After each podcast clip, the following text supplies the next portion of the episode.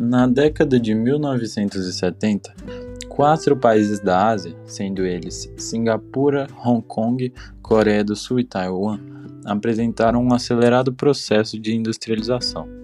Em razão da agressividade administrativa e da localização dos países, eles ficaram conhecidos mundialmente como tigres asiáticos. O modelo industrial desses países é caracterizado como IOE, industrialização orientada para a exportação. Ou seja, as indústrias transacionais, as indústrias transnacionais que se estabeleceram nesses países e as empresas locais implantaram um parque industrial destinado principalmente ao mercado exterior.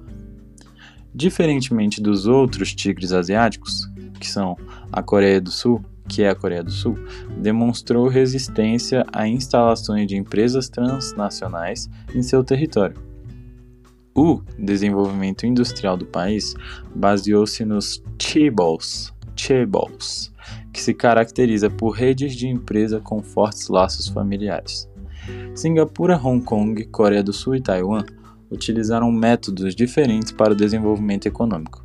No entanto, essas nações apresentaram aspectos comuns, como forte apoio do governo, proporcionando infraestrutura, infraestrutura necessária, transporte, comunicação e energia, por exemplo, financiamento das instalações industriais e altos investimentos em educação e em qualificação profissional.